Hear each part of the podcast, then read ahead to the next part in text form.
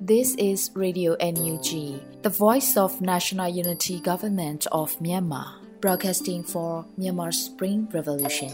Radio NUG is transmitting from shortwave 16 meter 17.79 MHz at 8:30 a.m. and 25 meter 11.94 MHz at 8:30 p.m. Myanmar Standard Time. မင်္ဂလာပါရှင်။ မြို့သားညီညွတ်ရေးအစိုးရရဲ့အတန်လွန်ဌာန Radio NUG ကိုမနက်ပိုင်း၈နာရီခွဲမှာလိုင်းတူ16မီတာ19.89 MHz ညပိုင်း၈နာရီခွဲမှာလိုင်းတူ25မီတာ17.6 MHz တို့မှာဓာတ်ရိုက်ဖမ်းယူနိုင်စေနိုင်ပါရှင်။မင်္ဂလာအပေါင်းနဲ့ပြည့်စုံကြပါစေ။အခုချိန်ကစပြီး Radio NUG အစီအစဉ်လေးကိုဓာတ်ရိုက်အတန်လွှင့်ပေးနေပါပြီရှင်။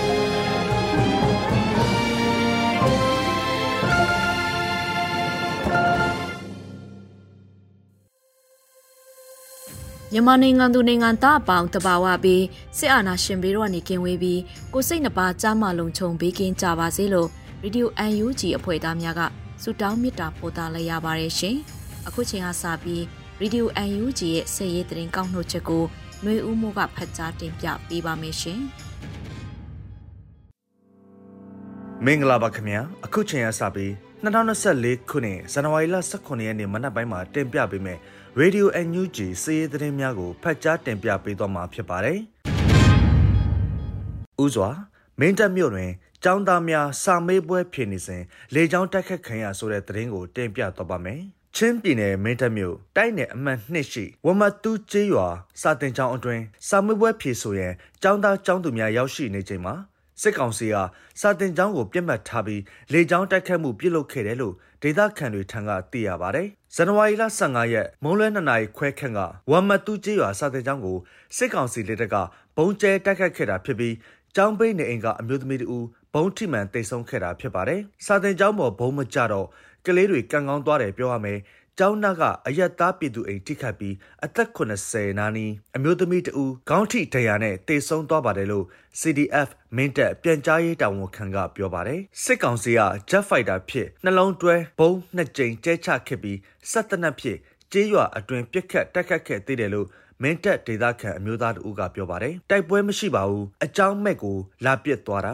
အရင်ကလည်းခဏခဏလာပစ်နေတာပဲပြည်သူတွေကိုအညှိုးနဲ့လာတက်နေတယ်ပဲထင်တယ်လို့၎ င်းဒေသခံက MPA ကိုပြောထားပါတယ်။စစ်ကောင်စီကလေကြောင်းတိုက်ခတ်မှုအပြီးညနေ၄နာရီအချိန်ခန့်တွင်လဲမင်းတပ်မြို့ခလိုက်ရ284တရင်မှ 120မမလက်နက်ကြီးများဖြင့်၄ကြိမ်ထပ်မံပစ်ခတ်တိုက်ခတ်ခဲ့တယ်လို့သိရပါတယ်။စစ်ကောင်စီကအယက်သားပြည်သူများကိုပြစ်မှတ်ထားတိုက်ခိုက်နေပြီးအစုလိုက်အပြုံလိုက်သို့မဟုတ်လူမျိုးတုံးတပ်ဖြတ်မှုစတဲ့စစ်ရာဇဝတ်မှုများကိုကျူးလွန်နေတာကြောင့်ပြည်သူများအနေနဲ့လုံခြုံရေးတတိရှိကြဖို့ CDF မင်းတပ်ကတတိပေးပြောကြားထားပါတယ်ခင်ဗျာ။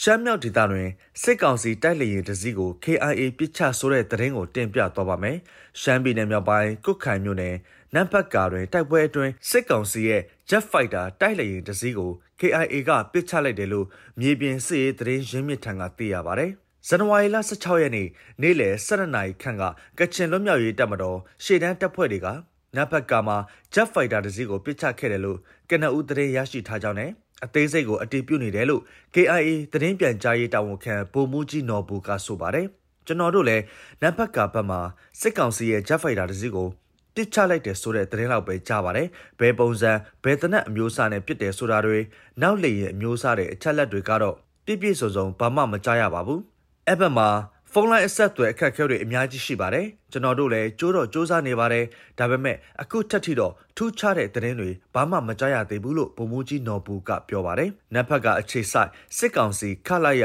123တရင်ကို KIA က18ရက်ကြာထိုးစစ်ဆင်တိုက်ခတ်ပြီးဇန်နဝါရီလ15ရက်နေ့မနက်အစောပိုင်းမှာတည်ယူနိုင်ခဲ့ပြီးနောက်စစ်ကောင်စီတပ်ကလေကြောင်းမှဆက်လက်တိုက်ခိုက်နေတာဖြစ်ပါတယ်ခင်ဗျာကြောက်တော် အခြေဆိုင်ခမရ939တရင်မှုဥဆောင်ပြီးတရင်လုံးအေးအေးထန်အလံဖြူထောင်လက်နက်ချဆိုတဲ့သတင်းကိုတင်ပြတော့ပါမယ်။ရခိုင်ပြည်နယ်ကြောက်တော်မြို့အခြေဆိုင်စစ်ကောင်စီချင်းမြန်တရင်ခမရ939ကတရင်မှုမှဥဆောင်ပြီးတရင်တရင်လုံးရခိုင်တပ်တော် AA ထံမှလက်နက်ချခဲ့တယ်လို့သိရပါတယ်။အဆိုပါခမရ939တပ်စခန်းကို ဇန်နဝါရီလ15ရက်နေ့ထဲကဝိုင်းပိတ်ထားခဲ့တာဖြစ်ပြီး16ရက်နေ့မနက်7:00နာရီခန့်ကစတင်တက်ခတ်ခဲ့ရာအလံပြူထောင်ကလက်နက်ချခဲ့တာဖြစ်တယ်လို့အေအေနဲ့နှိစက်တဲ့စီးရေးသတင်းရင်းမြစ်ကပြောပါတယ်။၎င်းခမရ939တရင်မှုမှဥဆောင်ပြီးမိသားစုဝင်များအပါအဝင်စစ်ကောင်စီတပ်သားအများအပြားလက်နက်ချခဲ့တာကိုပြန့်နှံ့လာတဲ့ဗီဒီယိုဖိုင်အရသိရှိရပြီးအရေးအတွက်အတိအကျကိုတော့ထုတ်ပြန်ထားတာမရှိသေးပါဘူး။အခြားအေအေနဲ့နှိစက်တဲ့စီးရေးသတင်းရင်းမြစ်တစ်ခုကလည်းခမရ939တက် တရင်မှုပါဝင်ဓာတက်လုံးအလံဖြူထောင်လက်နက်ချပါတယ်လို့ Paper Spring ကိုအတည်ပြုပြောဆိုထားပါတယ်။စစ်ကောင်စီတပ်သားများအနေဖြင့်အသက်မသေးလိုပါကစောစောစစ်စစ်အလံပြူထောင်ပြီးလက်နက်ချရန်ရခိုင်တပ်တော် AA စစ်ဦးစီးချုပ်ဗိုလ်ချုပ်ထွန်းမြတ်နိုင်ကဇန်နဝါရီလ15ရက်ကတတိပေးပြောကြားခဲ့တာရှိပါတယ်ခင်ဗျာ။ Unbroken Generation ကန်ကိုတပ်ဖွဲ့ CDF စန်တန်နဲ့တရားဝင်ပူးပေါင်းဆိုတဲ့သတင်းကိုတင်ပြသွားပါမယ်။ အာနာရှင်စနစ်ကိုအမြင့်ပြတ်ချိန်မှုဖို့ဖွဲ့စည်းထားတဲ့ Unbroken Generation ကန်ကိုတပ်ဖွဲ့ဟာ CDF စန်တန်နဲ့ပူးပေါင်းလိုက်ပြီလို့ Chinland Defense Force စန်တန် CDF စန်တန်ကဇန်နဝါရီလ16ရက်မှာထုတ်ပြန်ပါတယ်။ Unbroken Generation ကန်ကောတပ်ဖွဲ့ကတပ်ဖွဲ့ဝင်တွေဇန်နဝါရီလ14ရက်နေ့မှာတရားဝင်လာရောက်ပူးပေါင်းခဲ့တာကိုအများပြည်သူသိရှိနိုင်ဖို့ CDF စန်တန်ကအသိပေးလိုက်တာဖြစ်ပါတယ်။လာရောက်ပူးပေါင်းတဲ့ Unbroken Generation ကန်ကောတပ်ဖွဲ့ဟာ CDF စန်တန်ရဲ့ တပ်မဟာနှစ်အဖြစ်ရပ်တည်ပြီးဆက်လက်တိုက်ပွဲဝင်သွားမှာဖြစ်တယ်လို့သိရပါတယ်။ CDF စန်တန်းဟာညီနောင်အဖွဲ့တွေဖြစ်တဲ့ဆိုတောင်ဇိုဖီလိတူမာရာဒိုနဲ့အတူ ZZLMS အမည်နဲ့စစ်စင်ရေးတွေဖော်ဆောင်နေပြီး2023ခုနှစ်နိုဝင်ဘာ29ရက်မှာပူးပေါင်းအဖွဲ့နဲ့အတူရေဇွာမြို့တိန်တိုက်ပွဲမှာပါဝင်ခဲ့တယ်လို့ဒီဇင်ဘာ22ရက်ကကံကောမြို့ပေါ်ကမြစ်တာဆဲစခန်းသိမ်းတိုက်ပွဲမှာလည်းပါဝင်ခဲ့တယ်လို့ဒေတာတွင်အရင်မြစ်တွေစီကသိရပါတယ်ခင်ဗျာ။ မြိုင်ပကပရဲဘော်များစုဖွဲ့လေ့ကျင့်မှုတင်နန်းစင်ပွဲနဲ့လက်နက်တပ်ဆင်ခြင်းအခမ်းအနားကျင်းပဆိုတဲ့သတင်းကိုတင်ပြတော့ပါမယ်။မကွေးတိုင်းမြိုင်မြို့နယ်ပြည်သူ့ကာကွယ်ရေးအဖွဲ့မြိုင်ပကပရဲဘော်များရဲ့စုဖွဲ့လေ့ကျင့်မှုတင်နန်းစင်ပွဲနဲ့လက်နက်တပ်ဆင်ခြင်းအခမ်းအနားကျင်းပပြုလုပ်ခဲ့တယ်လို့သိရပါဗျ။ အဆိုပါအခမ်းအနားကိုဇန်နဝါရီလ16ရက်ကမြိုင်မြို့နယ်အတွင်းရှိလွမြောက်နေပြီတနေရာမှာတင်နန်းစင်းရဲဘော်40ကျော်ပြည့်ပြုလုပ်ခဲ့တာဖြစ်တယ်လို့ဆိုပါတယ်။တင်နန်းစင်းပွဲမှာမြိုင်ပကပတာဝန်ခံကိုလက်ရာကရဲဘော်များကိုလက်နက်တပ်ဆင်နိုင်သဖြင့်ပြည်သူလူထုကိုကျေးဇူးတင်ရမှာဖြစ်ကြောင်းဒါကြောင့် လူထုထောက်ခံမှုကိုလေးစားတန်ဖိုးထားရမှာဖြစ်ကြောင်းပြောဆိုခဲ့ပါတယ်။ထို့အပြင်ရဲဘော်များအနေနဲ့လက်နက်ကင်ကျင့်ဝတ်များကိုတင်းတင်းကြပ်ကြပ်လိုက်နာရမှာဖြစ်ပြီးလူထုကိုပြောင်းဝမလဲမိစေရန်အထူးသတိပြုရမှာဖြစ်တယ်လို့လည်းပကဖတာဝန်ခံကပြောကြားခဲ့ပါတယ်။မြိုင်မြို့နယ်ပြည်သူ့ကာကွယ်ရေးအဖွဲ့မြိုင်ပကဖဟာမြို့နယ်အတွင်းစစ်ကောင်စီကိုမြေပြင်တိုက်ပွဲများမှာအထိနာအောင်တိုက်ခိုက်နေတဲ့အဖွဲ့တစ်ခုဖြစ်ပြီးဝေဟင်စစ်စင်ရေးများကိုလည်းမဟာမိတ်တပ်များနဲ့ပူးပေါင်းဆောင်ရွက်နေတာဖြစ်ပါတယ်ခင်ဗျာ။ ဝေါ်မြို့နယ်တွင်ပြူစောတိများလုံခြုံရေးယူထားသည့်စစ်စေးဂိတ်ကိုတိုက်ခိုက်မှုတအူးတေဆုံးပြီး၃ဦးကိုလက်နက်နဲ့တကွဖမ်းမိဆိုတဲ့သတင်းကိုတင်ပြတော့ပါမယ်။ပဲခူးတိုင်းဝေါ်မြို့နယ်အုတ်ဖို့တုံကျေးရွာအထွက်ကပြူစောတိများလုံခြုံရေးယူထားတဲ့စစ်စေးဂိတ်ကိုပြည်သူ့ကာကွယ်ရေးပူးပေါင်းအဖွဲ့မှဇန်နဝါရီလ15ရက်ည9:00နာရီခန့်မှာတိုက်ခတ်ခဲ့ရာတအူးတေဆုံးပြီး၃ဦးကိုလက်နက်နဲ့တကွဖမ်းဆီးရမိခဲ့တယ်လို့ပဲခူးတိုင်းစစ်ဒေသခွဲကထုတ်ပြန်ထားပါတယ်။ဝေါ်ကဝဒိုက်ဦးတနက်ပင် အင်းတကောစတဲ့ပဲခူးခရိုင်ပကပ9မြို့နယ်ပူးပေါင်းအဖွဲ့ရဲ့တိုက်ခိုက်မှုကြောင့်ပြူစောတိခေါင်းဆောင်တိတ်ဆုံးခဲ့ပြီးတင်နန်းစင်ပြူစောတိ3ဦးကိုတနက်နှစ်လက်နဲ့အတူအရှင်ဖမ်းဆီးရမိခဲ့တာလို့ပဲခူး region PDF ကအသိပေးထားပါတယ်။အဆိုပါတိုက်ခိုက်မှုမှာစစ်ကောင်စီထောက်တိုင်ပြူစောတိတွေဘက်ကပြန်လည်ပစ်ခတ်နိုင်တာမရှိဘဲထိခိုက်တိတ်ဆုံးမှုတွေရှိခဲ့တာကြောင့်အခြားပြူစောတိတွေထွက်ပြေးသွားတယ်လို့သိရပါတယ်။လက်ရှိမှာဖမ်းဆီးရမိတဲ့ပြူစောတိတွေကိုစစ်တုပ်ပန်းဥပဒေနဲ့အညီထိန်းသိမ်းထားပြီးစစ်ဆေးမှုတွေ ဆက်လုပ်နေတယ်လို့ပဲခူးတိုင်းစစ်ဒေသခွဲကထုတ်ပြန်ထားပါတယ်ခင်ဗျာ။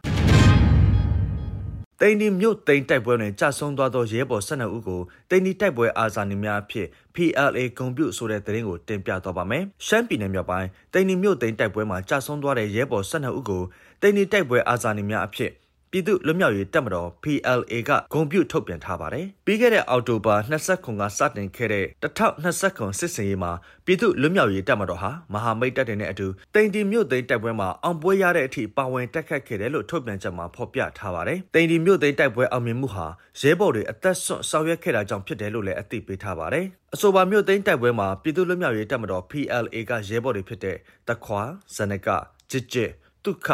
မိုးအောင်ကောင်းကင် တူရဝတ်သိန်စိန်လွင်ဝါကြီးကြားလီအောင်ဆန်းတို့အာဇာနေပိတစွာရဲရဲဝုံဝုံတိုက်ပွဲဝင်ရင်ကြာဆုံးခဲ့တယ်လို့သိရပါတယ်။နောက်ဆုံးထွက်သက်အထိရဲရင်စွာတိုက်ပွဲဝင်ခဲ့ကြတဲ့ရဲဘော်တို့ရဲ့စံပြအာဇာနည်စိတ်တက်ကိုဆက်လက်ကင်ဆွဲပြီးပြည်သူဒီမိုကရေစီလက်နက်ကင်တော်လှန်ရေးဆုံးခန်းတိုင်တဲ့အထိဆင်နွှဲသွားမှာဖြစ်တယ်လို့ PLA ကအတိတ်ထံပြုထားပါတယ်။ထို့ပြင်ကြာဆုံးသွားတဲ့ရဲဘော်တွေအတွက်ဂုံပြုစွာနဲ့အလေးနီပြု ဥညွန့်ပြီးရဲဘော်များရဲ့မိသားစုနဲ့ထပ်တူဝမ်းနည်းရပါကြောင်းပြည်သူ့လွတ်မြောက်ရေးတပ်မတော် PLA ကဇန်နဝါရီလ15ရက်နေ့မှာထုတ်ပြန်ထားပါတယ်ခင်ဗျာဟုတ်ကဲ့ပါအခုတင်ပြခဲ့တဲ့စီးရီးသတင်းတွေကို Radio NUG သတင်းထောက်ကိုခန့်နဲ့မင်းစစ်သွေးတို့ကပေးပို့ထားတာဖြစ်ပါတယ်ကျွန်တော်ຫນွေဦးမိုးပါခင်ဗျာ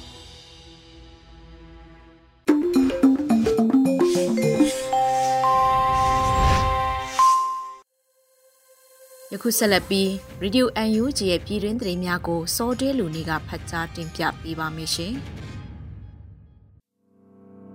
မင်္ဂလာပါခင်ဗျာခုချိန်ရစပြီး2024ခုနှစ်ဇန်နဝါရီလ18ရက်နေ့မနက်ခင်းပြည်တွင်သတင်းများကိုစတင်တင်ပြပေးပါတော့မယ်ကျွန်တော်စောတဲလူနေပါ ပထမအဆုံးအနေနဲ့မြို့သားညီညွတ်ရေးဆိုရအနေနဲ့တက်ကြွပြီးလွတ်လပ်တဲ့နိုင်ငံခြားရေးမူဝါဒကိုကျင့်သုံးသလိုလက်တွေ့ကျတဲ့နိုင်ငံခြားရေးသဘောထားကိုလည်းချမှတ်ထားတယ်လို့ NUG ယာယီသမ္မတပြောကြားလိုက်တဲ့သတင်းကိုတင်ပြသွားပါမယ်။အမျိုးသားညီညွတ်ရေးဆိုရာယာယီသမ္မတဒူဝါလက်ရှိလာကဇန်နဝါရီလ16ရက်နေ့မနက်ကပြုလုပ်တဲ့မြို့သားညီညွတ်ရေးဆိုရာအစိုးရဖွဲ့အစည်းအဝေးမှာခုလိုပြောကြားလိုက်တာဖြစ်ပါတယ်။အခုဆိုရင်ကျွန်တော်တို့နိုင်ငံရဲ့အိမ်နီးချင်းတရုတ်နိုင်ငံရဲ့မြန်မာနိုင်ငံဆိုတာနိုင်ငံခြားရေးမူဝါဒသဘောထားတွေဟာပြည်တွင်းရေးအခြေအနေတွေပေါ်လွှမ်းမိုးမှုရှိတာတွေ့ရပါတယ်။ ကျွန်တော်တို့မျိုးသားညီညွတ်ရေးဆိုရအနေနဲ့တက်ကြွပြီးလွတ်လပ်တဲ့နိုင်ငံခြားရေးမူဝါဒကိုကျင့်သုံးသလိုလက်တွေ့ကျတဲ့နိုင်ငံခြားရေးသဘောထားကိုလည်းချမှတ်ထားပါတယ်။ကျွန်တော်တို့ဟာဒေသတွင်းနိုင်ငံကြီးတွေရဲ့နောက်မီးဆွဲဖြစ်လို့လည်းမရသလိုကမ္ဘာအင်အားကြီးနိုင်ငံတွေရဲ့နောက်လိုက်လည်းဖြစ်လို့မရပါဘူးကိုမှုကိုဟန်နဲ့ခိုင်ခိုင်ကြီးကြီးရက်တီရှောက်လန်းဖို့လိုပါတယ်လို့ယာယီသမ္မတဒူဝါလက်ရှိတာကပြောကြားခဲ့ပါတယ်ခေတ်သစ်နိုင်ငံတကာနိုင်ငံရေးဇက်ခုံမှာတကိုယ်တည်းတတိတည်းနေလို့မရပါဘူးအားလုံးဟာအပြန်အလှန်အမိတဟဲပြုပြီးရှင်သန်ပေါင်းစည်းနေကြရတာဖြစ်ပါတယ် ဒါကြောင့်နိုင်ငံတကာနိုင်ငံရေးစက်ခုံမှာ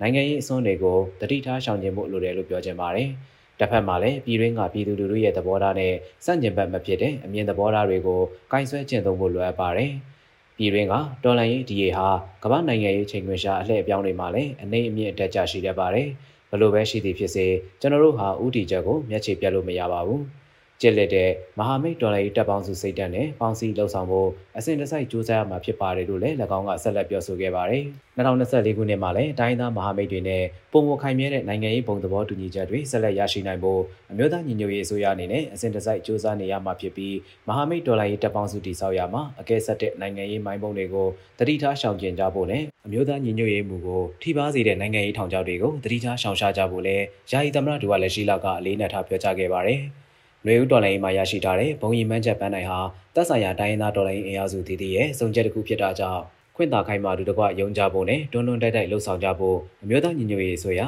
NUG ယာယီသမ္မတဒူဝါလက်ရှိလာကတိုက်တွန်းစကားပြောကြားထားပါတယ်ခင်ဗျာ။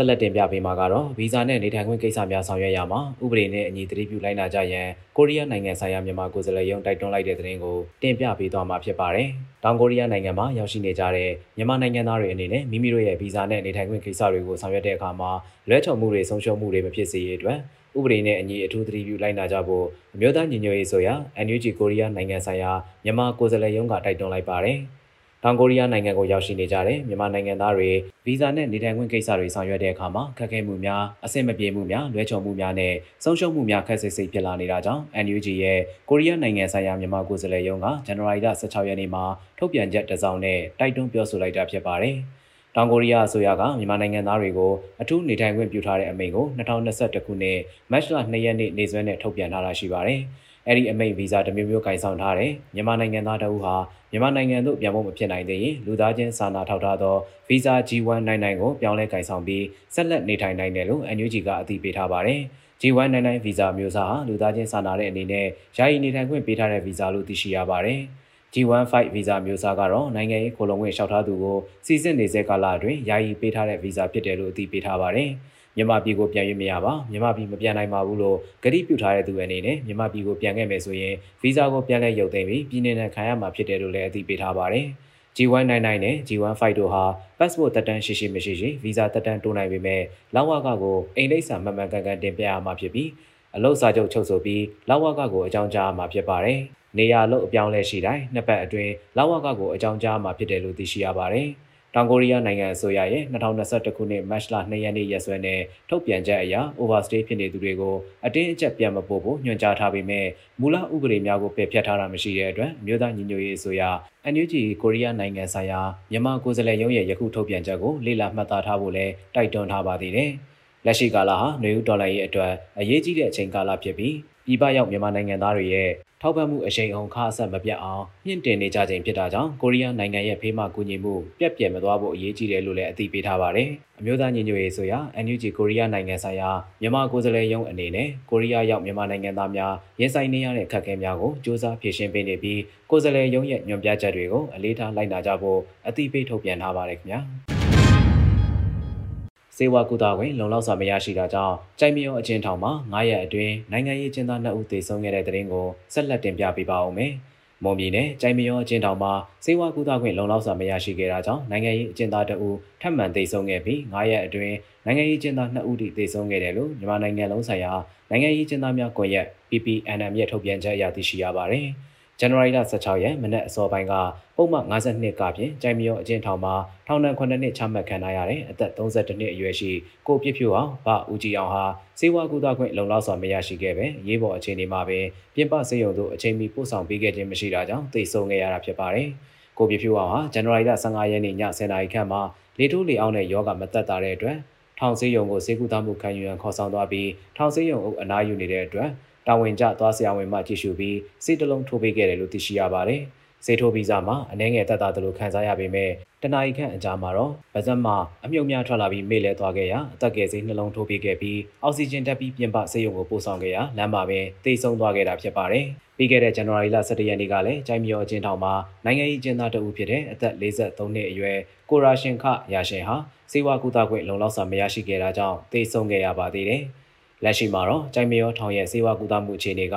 အဆိုးအဝါဆုံးအခြေအနေမှာလို့ပြောလို့ရပါတယ်။တပတ်မပြည့်ခင်9ရက်အတွင်းမှာအကျဉ်းသား2ယောက်ရှိနေပြီးနောက်ထပ်လည်းအကျဉ်းထောင်ရဲ့စေယုံမှာစေဝါကူတာမှုခံယူနေရတဲ့နိုင်ငံရေးအကျဉ်းသား10ဦးကျော်လောက်ရှိနေတယ်လို့ PPNM ကကိုတိုက်ထုံးကပြောကြားခဲ့ပါတယ်။ အကျဉ်းဦးစီးဌာနနဲ့ထောင်အာဏာပိုင်တွေအနေနဲ့လုံလောက်တဲ့စေဝါဆောက်ရှောက်မှုမပေးတာကြောင့်စေဝါပေးပို့ခွင့်တွေကန့်သက်ထားတာကိုဆက်လုပ်နေရင်တေဆုံးမှုတွေကဒိထက်ပိုများပြားတဲ့အရေးအတွက်တွေထပ်ဖြစ်နိုင်တာကြောင့်အကျဉ်းတော်လက်ဆွဲဥပဒေများနဲ့အညီလုံလောက်တဲ့စေဝါကုသခွင့်တွေပေးဖို့လိုတယ်လို့ကိုတိုက်ထင်းဦးကဆက်လက်ပြောကြားခဲ့ပါတယ်။မြန်မာနိုင်ငံလုံးဆိုင်ရာနိုင်ငံရေးအကျဉ်းသားများကွန်ရက် PPNM မှာကောက်ယူထားတဲ့သတင်းချက်လက်တွေအရနိုင်ငံတော်အကျဉ်းတော်များအတွင်းမှာ စေဝါကူတာခွင့်လုံလောက်စွာမရရှိတာကြောင့်2023ခုနှစ်တနှစ်အတွင်းနိုင်ငံရေးအကျဉ်းသားအကျဉ်းသူ18ဦးထိသေဆုံးမှုရှိခဲ့တယ်လို့သိရှိရပါတယ်ခင်ဗျာအခုတင်ပြခဲ့တဲ့သတင်းတွေကိုတော့ Radio Energy သတင်းတောက်ကိုခန့်နဲ့မင်းဆွတ်သူတို့ကပေးပို့ထားတာပဲဖြစ်ပါတယ်ခင်ဗျာ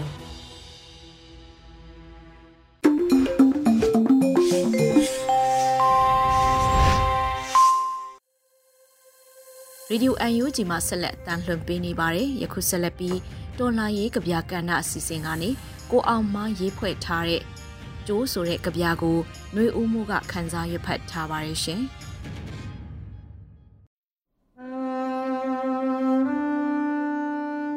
ကျုံတန်ရင်မှန်ရင်လွမ်းမိပါတယ်အချိန်ကုန်လူအစုံကုန်ပြန်ဆောင်ချင်ပါတယ်ရွာဦးထိတ်မှာအမေအိုကျိုးတားမောင်ဗလာကြီးစင်စေးခဲ့ပါကွမြင်းစေးခဲ့ပါကွ ချစ်မညီးသမှုတပင်ထဲလိုပါတမာပင်ပြိုကအသွင်ဆန်းအောင်ပွဲရှင်ကတပြေပန်းရွာဦးကျောင်းကတုံမောင်းတန်းနာခံကြတရွာလုံးတပြေပန်းကိုစီကိုင်းလို့လုံမေပြိုတတိုက်မှာမောင်ကြီးကိုကြိုဖို့အေးတမေးမှအိတ်မပြောမိုးစင်စင်လင်းပါလို့ဝေလီအလင်းမာလာအာတင်းကြတရွာလုံး လူဆုံးပြန်စေဖို့အရင်စွမုံချွေပေးကပရွာဦးမှာစုဝေးတပြေတင်းဟိုမာလီဖိုးထောင်နောက်ကဟာဖိုးမောင်စင်စမပြတ်ရွံ့ရင်နောက်ဆုံးတယောက်ကြော်ကာသွားခဲ့ဖိုးမိန်ကိုမမြင်သူရည်တိမ်နစ်ရှာပြီအတိတရားကမျက်ရည်ဖုံးမိန်များစွာပြန်မလာတော့ရွာမှာလူမစုံခဲ့တာကြာပေါ် နတ်ဖန်မှာနှုတ်ဆက်သူတို့စစ်ထွက်ကြအောင်မယ်နောက်ဆုံးသွေးတစ်ဆက်ကြံ့တီအထိပေါ်တပြေပင်ကြီးရှိနေသမျှအောင်ပွဲရှိနေမှာပဲတို့ရွာအတိတ်ထံတောတောညံအောင်လန်တလူလူလွှင့်ကြပြန်ပြိုတို့မောင်အညာချီဆောင်ပတ်တရဇက်ပြစ်ခတ်တဲ့တက်ခောက်တမြတောင်းထိုက်ကကြားစေတာကိုအောင်မိုင်း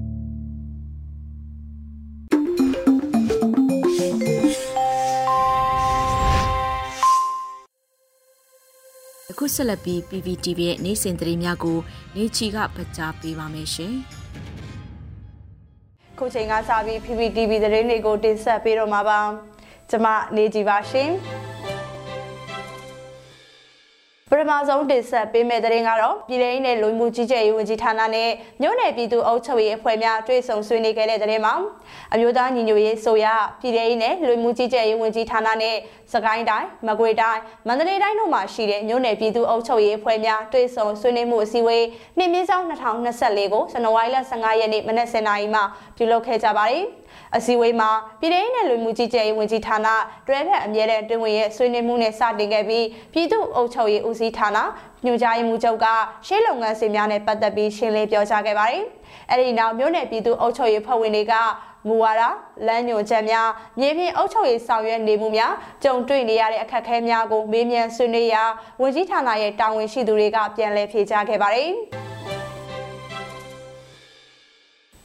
အခုတော့အေးသိမ့်ပိုက်ထားတဲ့ပလောဝမျိုးကိုအကြမ်းဖက်စစ်တပ်ကပုံကျဲတိုက်ခိုက်လို့အသက်9နှစ်ရွယ်ကလေးငယ်အပါဝင်ပြည်သူ3ဦးသေဆုံးခဲ့တဲ့တဲ့တင်ပါရခိုင်တပ်တော် AA ကအပီးသိမ့်ပိုက်ထားပြီးဖြစ်တဲ့ချင်းပြည်နယ်ပလောဝမြို့ကိုအကြမ်းဖက်စစ်တပ်ကပုံကျဲတိုက်ခိုက်လို့အသက်9နှစ်ရွယ်ကလေးငယ်အပါဝင်ပြည်သူ3ဦးသေဆုံးခဲ့တယ်လို့မြောက်ပိုင်းညီနောင်မဟာမိတ်၃ဘွဲကမနေ့ကညပိုင်းကထုတ်ပြန်အသိပေးထားပါတယ်။ ဇန်နဝါရီလ15ရက်နေ့နေ့လယ်2:30မိနစ်အချိန်ကပလဝမြို့နယ်ပဝင်းချင်းကိုရန်သူချက်ဖိုက်တာတိုက်ခိုက်ရဟန်နဲ့ပုံကျဲတိုက်ခိုက်ခဲ့တာပါအကြမ်းဖက်စစ်တပ်ရဲ့ပုံကြောင့်ကြီးလေကျေးရွာအနီးကိုဘုံသီးတွေကြားရောက်ပောက်ကွဲခဲ့တာကြောင့်အသက်9နှစ်ရွယ်စစ်ဆောင်ကလင်းငယ်တအူးအပါဝင်ဒေသခံအမျိုးသား3ဦးတို့မှာဘုံစထီမန်ကတေဆုံးခဲ့ရတယ်လို့ထုတ်ပြန်ချက်မှာအသိပေးဖော်ပြထားပါတယ်။ ဒါအပြင်အမျိုးသားတအူးနဲ့အမျိုးသမီး2ဦးတို့မှလည်းဘုံစထိမှန်ကထိခိုက်ဒဏ်ရာအပြင်းထန်ရရှိခဲ့တယ်လို့ဆိုပါတယ်ဆက်လက်တင်ဆက်ပေးမှာကတော့ຫນွေဦးတော်လိုင်းရေးကာလအတွင်းကြာဆုံးခဲ့ရသူပေါင်း4363ဦးထိရှိနေပြီလို့ AAPP ထုတ်ပြန်လိုက်တဲ့သတင်းမှာ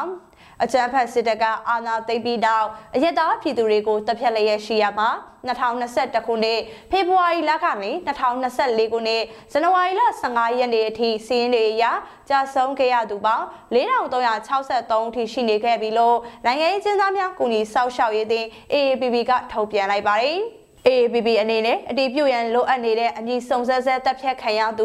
950ဝန်းကျင်စီးရင်ကိုလည်းတီးခြားပြုစုထားတယ်လို့အသိပေးထားပါတယ်။ နိုင်ငံရေးချင်းသားများကူညီစောက်ရှောက်ရေးအသင်း AAPP ရဲ့မှတ်တမ်းပြုချက်တွေအရ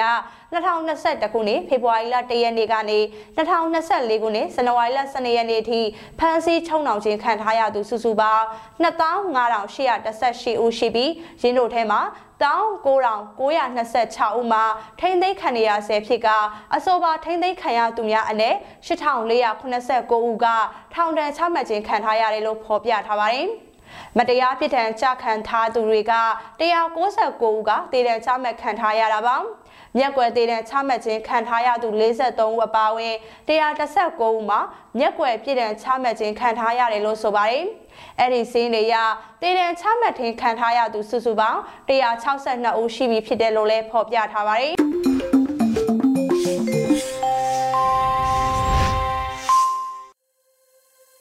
ခုတခါနားဆင်ရမှာကတော့တော်လှန်တေးဂီတအစီအစဉ်ကနေ The Fingers တီဆိုထားတဲ့နိုးထလောဆိုတဲ့တေးသချင်းကိုနားဆင်ခန်းစားကြည့်ကြရအောင်ရှင်။